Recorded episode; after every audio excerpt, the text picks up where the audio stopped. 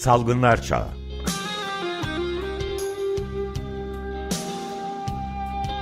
Pandemide Sağlık.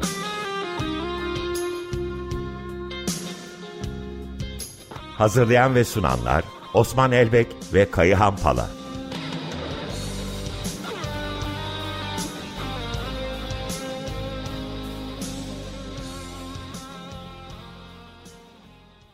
Günaydınlar, merhabalar. Osman Bey, Kayan Bey. E, günaydınlar Ömer Bey, günaydınlar Özdeş Bey. Günaydın. Günaydın herkese. Nasıl vaziyetler? E, biz bu hafta Kayan'la birlikte e, Türkiye'deki göğüs hastalıkları uzmanlarının derneği olan e, Türk Toraks Derneği'nin kongresinden sesleniyoruz size. Maskenin, fiziki mesafenin uygulandığı ve çok uzun zamandır talep etmemize rağmen kamusal otoritenin hayata geçirmediği hızlı testlerin anında yapıldığı bir kongreden. E, yani aslında mümkün olan uygulamaların olduğu bir yerden ses veriyoruz. E, siz iklimle girdiniz haklı olarak. Sakın umutsuzluğa kapılmayalım. E, biz tıp doktorları örneğin dün akşam açılışta e, bu ülkede valide bağı savunanlara, bu ülkede Akbelen Ormanı'nı savunan ikiz köylere onur ödülleri verdik, savunuculuk ödülleri verdik e, ve hep birlikte salondan Ömer Bey de bize anlar hatırlar e, sloganlar eşliğinde akciğerlerini, ormanlarını bu ülkenin koruyacağımızı söyledik. E, bir güzel haber de e, sevgili e, program e, eş e, götürdüğümüz Kayan ve Nilfer Akaç bir bilim ödülü aldılar iklim ve çevre konusunda. Tebrik e, ederiz. Evet sorunlarımız fazla ama e, tıp doktorları kongrelerinde e, savunuculara selam vererek başlıyorlarsa bu ülkede umutsuz olmak için hiçbir neden yok diye düşünüyorum. Aynen öyle. Tebrik ederiz. Bi, biz, biz de bugün haberlere başlarken bahsediyorduk. Bilim insanları en önde politikleşerek açıklamalar, en büyük sistem eleştirileri onlardan geliyor ve aktivizme kayıyorlar diye. Bir örneği de sanırım bu konferans olmuş. Evet başka bir yolu yok çünkü kongreyi böyle açtık gerçekten. Ee, Covid konusunda ise e, 15'inde Selim Badur'la başlayan olumsuz haberlerin giderek arttığı bir veriyle başlamak istiyorum. Ee, Dünya Sağlık Örgütü'nün iki haftalık durum raporlarında e, genel bir artış var tüm e, dünyada. E, bu hafta itibariyle 3 milyonu aşan yeni vaka eklendi, e, 50 bini aşan ölüm eklendi. Avrupa merkez üssü gibi oldu. Son iki haftada vakalarda %7 ve %8'ler artış oldu. Ne yazık ki ölümlere de yansıdı bu. Son iki haftada ölümler Avrupa'da %10 ve %5 gibi arttı. Ee, ülke sıralamasına baktığımız zaman hızlı bir değişim dinamiği var. Ee, iki haftalık süreçte öncelikle Almanya ilk beşe girdi. Biz dördüncü sıradaydık. Sonra Almanya'nın durdurulamayan bir vaka artışı var. Önce 3'e Son 24 saati dikkat edersek son 7 günde de Almanya dünya ikinciliğine oturdu. E, şu an Amerika Birleşik Devletleri yeni vakada birinci, arkasına Almanya, Rusya, Birleşik Krallık ve Türkiye Cumhuriyeti geliyor. E, Türkiye ortalama 24 bin küsür vaka ile geçiyor. E, ama Almanya'dan ve Birleşik Krallık'tan farklı olarak ölüm oranları daha yüksek. E, burada birazcık geriye bakıp şunları söylemem gerekiyor son 14 haftadır Türkiye günlük 20 bin vakanın üstünde yeni vaka saptıyor. Yani kronik olarak yüksek bir yere takıldı. Avrupa'nın diğer ülkelerinden temel farkı bu. Onlar bir miktar başarıya ulaşabilmişlerdi vaka sayılarında. Biz son 14 haftadır 20 binin altında hiç göremedik. Bu şu açıdan önemli. Avrupa'da artan pik Türkiye'de yaklaşık 2-3 hafta sonra yeni bir pike neden oluyor. Bugüne kadar Covid-19 salgında hep böyle seyretti. Biz zaten 20 binlerin üstünde vakayla giderken bir Avrupa'dan 2-3 hafta sonra gelebilecek yeni bir artışa hakikaten tolere edebilecek noktada değiliz. Vefatlar konusunda da öyle. E, son 12 haftadır e, günlük 200'ün üstünde vefat açıklıyoruz. E, bu demektir ki son 12 hafta 19 bin küsür vakaya ulaştık, e, vefatlara ulaştık özür dilerim. E, bu kabul edilemez düzeyde bir yüksekliğe işaret ediyor. Bizim açımızdan bir Avrupa'dan e, takip edecek, piki kaldırabilecek noktada değiliz. E, aşı konusunda ise çok olumsuz bir yerdeydik. Giderek bu olumsuzluğumuz devam ediyor, istikrar kazanıyor. Toplam doz aşısında günlük 200 binin altına düştük ki Temmuz'da biz 700 binlerin üstündeydik günlük aşılama oranında. ilk doz hani ilk kez aşılanan insan sayısı 50 binin altına düştü. İki dozu eğer tam aşılı kabul edersek 50 milyon civarında insana iki doz aşı yapabilmiş durumdayız ki e, düzensiz göçmenleri dahil edersek bu aşı oranımızın yüzde 53 olduğuna işaret ediyor ki Avrupa ile kıyasladığımızda Slovenya, Letonya ile aynı noktadayız. Kayan sen nasıl bakıyorsun bu duruma? Osman e, söylediğin çerçeve çok önemli ancak bir durumu anımsatalım. Olgu sayıları ve ölüm sayıları ile ilgili Sağlık Bakanlığı tarafından açıklanan sayılardan söz ediyorum. Tartışma halen sürüyor. Örneğin olgu sayıları ile ilgili İzmir Tabip Odası'nın kendilerine ulaşan verilerden yola çıkarak yaptığı açıklamaya bakacak olursak bakanlığın söylediğinden daha fazla olgunun Türkiye'de yaşanıyor olması mümkün gibi görünüyor. Tabii verilerde şeffaflık olmadığı için bugün halen ne durumda olduğumuzu çok net bilemiyoruz. Ancak bakanlığın açıkladığı kadarıyla bile bakacak olursak Türkiye'de salgın hiç kontrol altına alınamadı ve kontrol altına alınma ölçütleri üzerinden üst sınırı eğer haftalık olgu sayısı açısından yeni olgu görülme sıklığından söz ediyorum. 100 binde 100 olarak görecek olursak hep bunun iki katının daha üstünde gidiyoruz.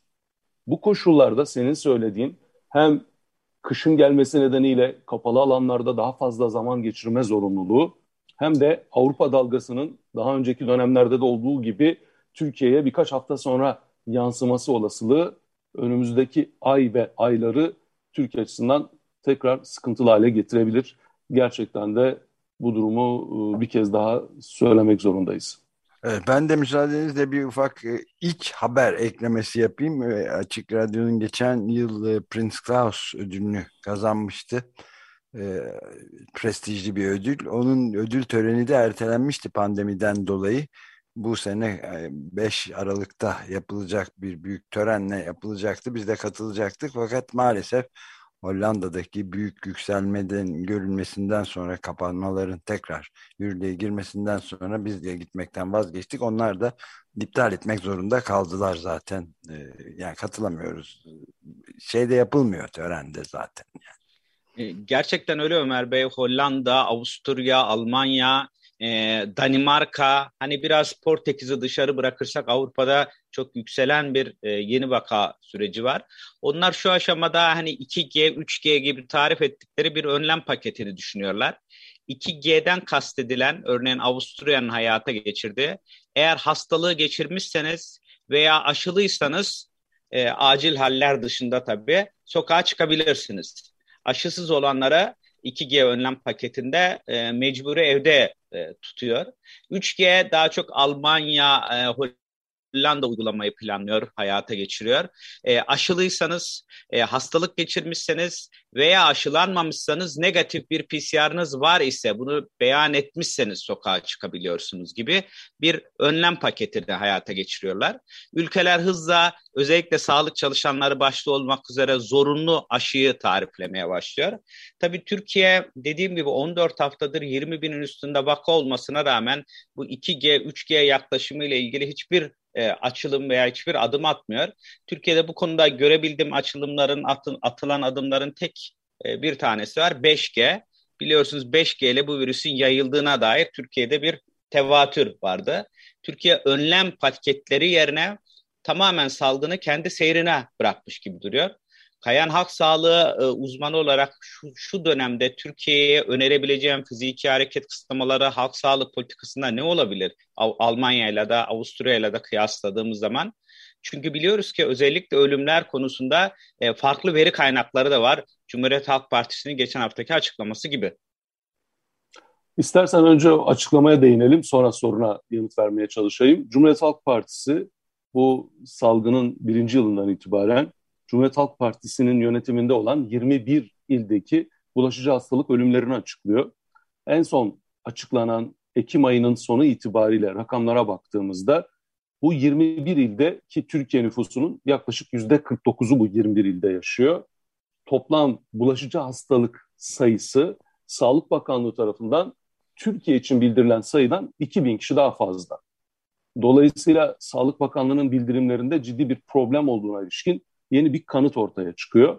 Ve Cumhuriyet Halk Partisi Genel Merkezi tarafından hazırlanan bu raporda eğer Türkiye'nin tümü bu 21 ildeki örüntüyü benzer bir şekilde gösteriyorsa o zaman Türkiye'deki bulaşıcı hastalık ölüm sayısının pandeminin başından bu yana 149 bini geçmiş olma ihtimalinden söz ediliyor. Bu da şu demek Osman, ölümlerde 1 milyon kişi başına ölümlerde Türkiye 19. sırada.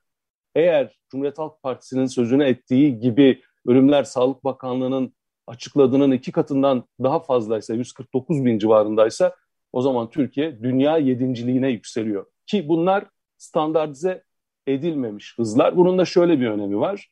Türkiye demografik olarak görece Batı ülkelerine göre daha genç bir nüfusa sahip. Bu da bu pandemi sırasındaki riski azaltıyor. Çünkü pandemide ölümler ağırlıklı olarak 65 yaşın hatta 70 yaşın üstündeki kişilerde görülüyor. Standartize ölüm hızları da bir süre sonra hesaplandığında muhtemelen önümüzdeki yılda bunları hesaplamaya başlayacağız. O zaman Türkiye'nin çok daha vahim bir tabloyla karşılaşma olasılığı da var. Bu olasılıklar bize Türkiye'de salgının yönetimiyle ilgili sorunların en başından bu yana devam ettiğini gösteriyor.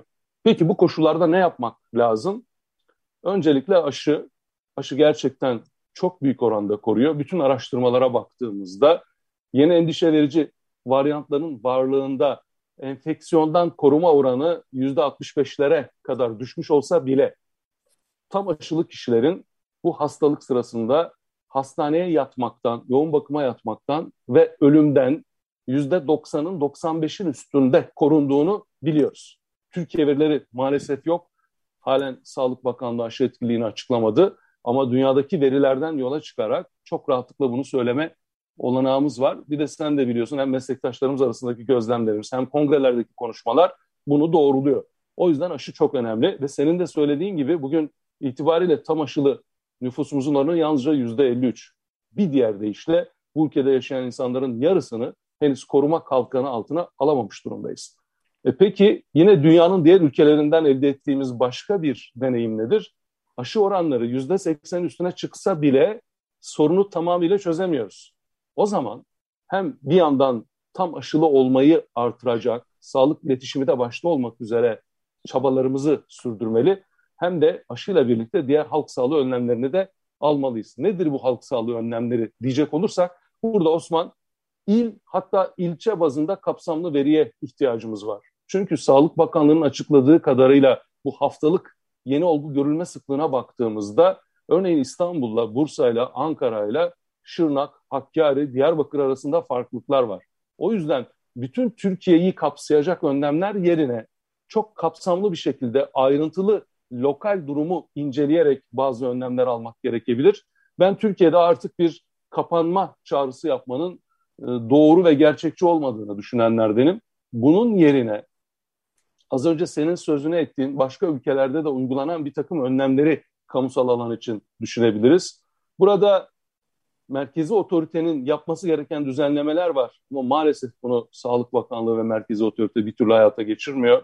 Bunlardan e, en önemlilerinden bir tanesi halen okulların açık kalmasını sağlamak için ele alınması gereken önlemler. Yani sanki hiç pandemi yokmuş gibi ders sürelerini değiştirmeyen, teneffüs sürelerini değiştirmeyen, oradaki sınıfların havalandırılması için ek bir önlem almayan bir yaklaşımı sürdürmek yerine bu pandeminin ne olduğunu, virüsün nasıl bulaştığını göz önüne alarak hem okullarda hem kamusal mekanlarda hem iş yerlerinde kapalı ortamlarda bulunma süresini sınırlayıp kapalı ortamları iyi havalandıran, fiziksel mesafenin önemini vurgulayan, özellikle kapalı ortamlarda ya da açık ortamlardayken fiziksel mesafenin korunamadığı koşullarda maske takmanın önemini vurgulayan bir anlayışı sürdürmemiz gerekir. Bu arada tabii halen Türkiye bir e, aktif sürveyans sistemini kurmuş durumda değil. Filyasyon ise kaynak arama yaklaşımından uzak yalnızca evlere ilaç götürme biçiminde sürdürülüyor. Bunlar da filyasyon bu alanda pardon, başarılı olmasını engelliyor. E, filyasyon Buyurun. ne demekti? Bir kez daha hatırlatır mısınız lütfen? E, bizde filyasyon diye geçiyor ama genellikle seyircilerimizin kolay, e, dinleyicilerimizin kolay anlayabilmesi için bunu bir temaslı takibi ve kaynak bulunması diye yorumlayabiliriz. Bu şu demek Ömer Bey yani bir kişinin PCR testi pozitif olduktan sonra o kişinin bunu nereden aldığını ve çevresindeki insanlara bu hastalığı bulaştırıp bulaştırmadığını inceleme yaklaşımı. Evet. Burada hem kişinin sorgulanması hem de çevresindekilerin mutlaka test edilerek ne durumda olduklarının anlaşılması, kişinin mutlaka izolasyona alınması, kişinin bulaştırma ihtimali olan insanların ise karantinaya alınması yaklaşımlarının tamamını içeren e, bir yönetsel uygulama. Ama. Türkiye'de bunun bu haliyle uygulanmadığına maalesef tanık oluyoruz. Bu arada yeni bir problemimiz daha var burada. İşler birazcık daha karışıyor. Bugüne kadar hani korona bak iki doz korona vakın arkasından üç leşmişti. Dördüncü doz tartışması hep bize geliyordu. Dördüncü doz yaptıralım mı yaptırmayalım mı hangisini yaptıralım diye. Şimdi e, yeni bir sorunumuz daha eklendi. Altıncı ayı tamamlamış mRNA'dan iki doz yapılmış. Altıncı ayı tamamlamış kişilere e, hatırlatma dozunun yapılması. E, Türkiye'nin yaklaşımı Almanya ile benzer oldu. 18 yaşın üstündeki herkese 6. ayı tamamladığı zaman e, 3. rapel doz tariflendi. E, gerçekten bu böyle mi olmalı? E, Dünya Sağlık Örgütü'nün yaklaşımı daha çok özellikle küresel sağlık e, aşı eşitsizliğinde e, immün süprese dediğimiz kanser tedavisi alan bağışıklık sisteminin baskılandığı veya 60-65 yaş üstünün olduğu veya sağlık çalışanı gibi riskli durumlarda aslında üçüncü dozu tarifliyor. Aşı eşitliliğini bir miktar sağlayabilmek açısından. Yine de bu booster dozlarında hangi aşının seçilmesi de çok kritik. Ee, eğer booster mRNA BioNTech Pfizer firmasının ürettiği Comirnaty ile yapılırsa etkinliğin %94-%95'lere kadar ulaştığını görüyoruz. Ama üçüncü hatırlatma dozunun korona vaklı olduğu zaman ise birazcık daha düşük oranlarda %74-75'lere e, etkinliğin çıktığını görüyoruz. Kayan ne dersin bu aşı politikasına? 6. ayını tamamlamış iki doz mRNA olmuş hastalar veya insanlar için daha doğrusu hem de aşı verilerine ulaşamamış olduğumuz bir ortamda. Osman, bence Türkiye'de aşı politikasının ilk gündeminin henüz hiçbir doz almamış 12 yaş üstündeki 14 milyon kişi olması gerekir. Çünkü biz bu 14 milyonu bir biçimde eğer aşılayamazsak toplumun geri kalanının tamamını aşılasak bile toplumsal bağışıklık eşiği denilen kavrama ulaşmamız mümkün görünmüyor. O yüzden Sağlık Bakanlığı'nın mutlaka ve mutlaka bu 14 milyon kişiye gerekirse birebir ulaşacak araçları gündeme getirip onları aşı olmaya ikna etmesi gerekir. Tabii hepsinin olması mümkün olmayabilir ama bu 14 milyona seyirci kalıp biz 3. doz, 4. doz belki daha fazla dozları tartışmaya yoğunlaşacak olursak Türkiye aşı ile koruma yaklaşımının uzana düşecek. Ben özellikle bunu birinci olarak anımsatmak isterim. İkinci olarak şimdi Türkiye'de aşı etkili sonuçlarını bilmiyoruz. İki tane aşı uygulandı yoğun olarak. Bu aşı yapılanların yapılmayanlarla kıyaslandığında hastalığa yakalanmaktan, hastaneye yatmaktan, ölmekten ne kadar korunduğuna ilişkin bakanlık maalesef hiçbir veri açıklamıyor. Bu yüzden de biz yurt dışındaki veriler ve tutumlardan yola çıkarak değerlendirme yapmak zorunda kalıyoruz. Ama genel olarak baktığımızda dünyada kabul edilen yaklaşım risk gruplarının bu hatırlatma dozları denilen dozlarla buluşturulması yaklaşımı. Yani iki doz BioNTech olmuş, üstünden 6 ay civarında bir zaman geçmiş birisini şu anda herhangi bir risk grubunda değilse aşılamayı ön plana çıkarmak pek benimsenen bir yaklaşım değil. Dünya Sağlık Örgütü de buna vurgu yapıyor. Ama iki doz BioNTech olmuş ama risk grubunda bulunan kişiler için. Kim bunlar? Ülkemizdeki kabul edilmiş haliyle 60 yaşın üstündeki yurttaşlar, 18 yaşın üstünde kronik hastalığı olanlar, örneğin işte senin söylediğin herhangi bir kanser tanısı almış ya da tedavisi görmekte olanlar, organ nakli olanlar, bir takım şeker hastalığı, aşırı kiloluk gibi sorunlar olanlar ve yine 18 yaşın üstünde riskli işlerde çalışanlar, başta sağlık çalışanları olmak üzere. Bunlara hatırlatma dozu evet uygun ama bunun dışında kalıp herhangi bir sağlık sorunu olmayanlar için gidin üçüncü dozu da yaptırın demenin şu anda Türkiye'nin önceliği olmadığı kanısındayım. Önceliğimiz nedir? Birinci önceliğimiz bu 14 milyon 12 yaşın üstünde henüz hiç aşı olmamış olanlar. İkinci önceliğimiz aşısı eksik olanlar. Yani maalesef bizim karşılaştığımız bazı tablolar var. Örneğin daha önce de konuşmuştuk. İşte 3 hafta kadar önce bir hemşire meslektaşımızı yitirdik. Tek doz aşılı. Daha sonraki aşılarını yaptıramamışız. Yine senin de benim de karşılaştığımız böyle olgular var. Eksik aşıları bir an önce tam aşılı hale getirmek. Bir de 12 yaşın altında 5-11 yaş için artık dünyada kabul edilen bizdeki Biontech aşısının üçte biri dozu civarında bir dozla uygulanan aşıyı da Türkiye'ye getirip isteyen anne babaların çocuklarına yaptırmalar için bir ortam sağlamak. Eğer bunu yapamaz isek Türkiye'de toplumsal bağışıklık eşiğini yakalama olasılığımız ortadan kalkıyor. Bir de senin vurguladığın bir şeyi ben de vurgulayayım. Bu meseleyi bir küresel sorun olarak mutlaka görmeyi başarmamız gerekir. Eğer biz küresel bir soruna böyle yerel yanıtlar, ulusal yanıtlarla bir yanıt vermeye devam edecek olursak bu sorun daha uzun zaman dünyanın gündeminde kalmaya devam edecek gibi görünüyor. Sona doğru yaklaşırken Küba ve Çin'in özellikle çocuk aşılanması konusunda hayli yol kat ettiğini söylemek lazım. Küba'nın artan salgınını agresif bir aşılama politikasıyla kontrol altına aldığını, e, özellikle çocukları da aşıladığını vurgulamak lazım. Senin dediğin gibi Türkiye'de özür dilerim 14 milyonun aşılanması çok kritik. E, bu insanların aşı tereddütünü gidermek için veriye ihtiyaç var. E, son verim e, Türk Toraks Derneği'ne sunulan bir çalışmadan olsun. Ahmet Türkeli ve arkadaşları 143 astım tanılı çocuk ve annelerini araştırdılar. E, ilginç bir veri bu. E, kendileri aşı olmuş anneler %50'si annelerin yaklaşık yaklaşık değil tümüyle yarısı çocuklarına aşılama yapmak istemiyorlar.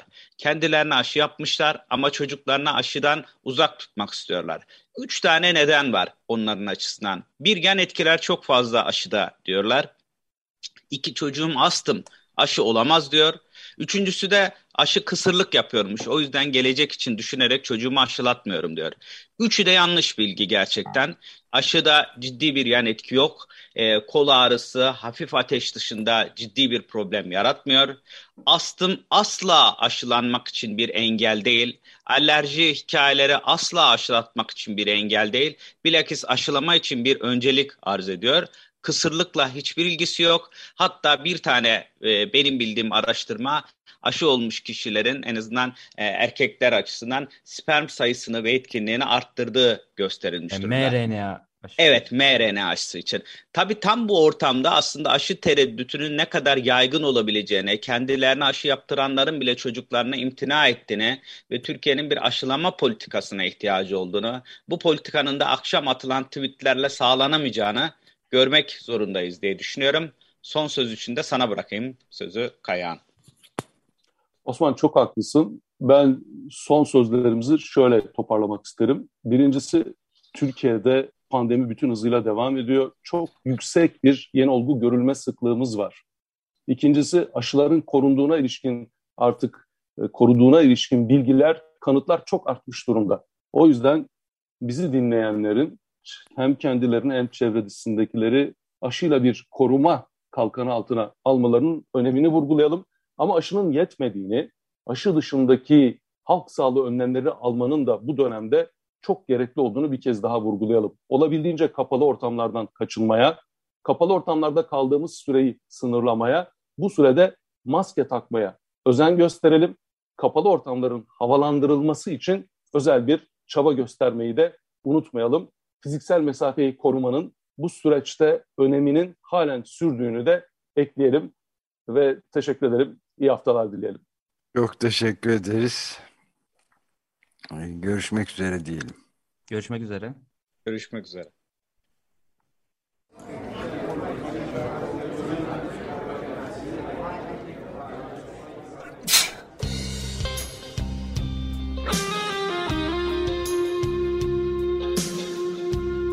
Salgınlar Çağı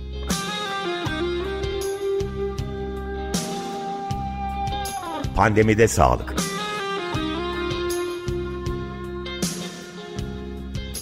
Hazırlayan ve sunanlar Osman Elbek ve Kayıhan Pala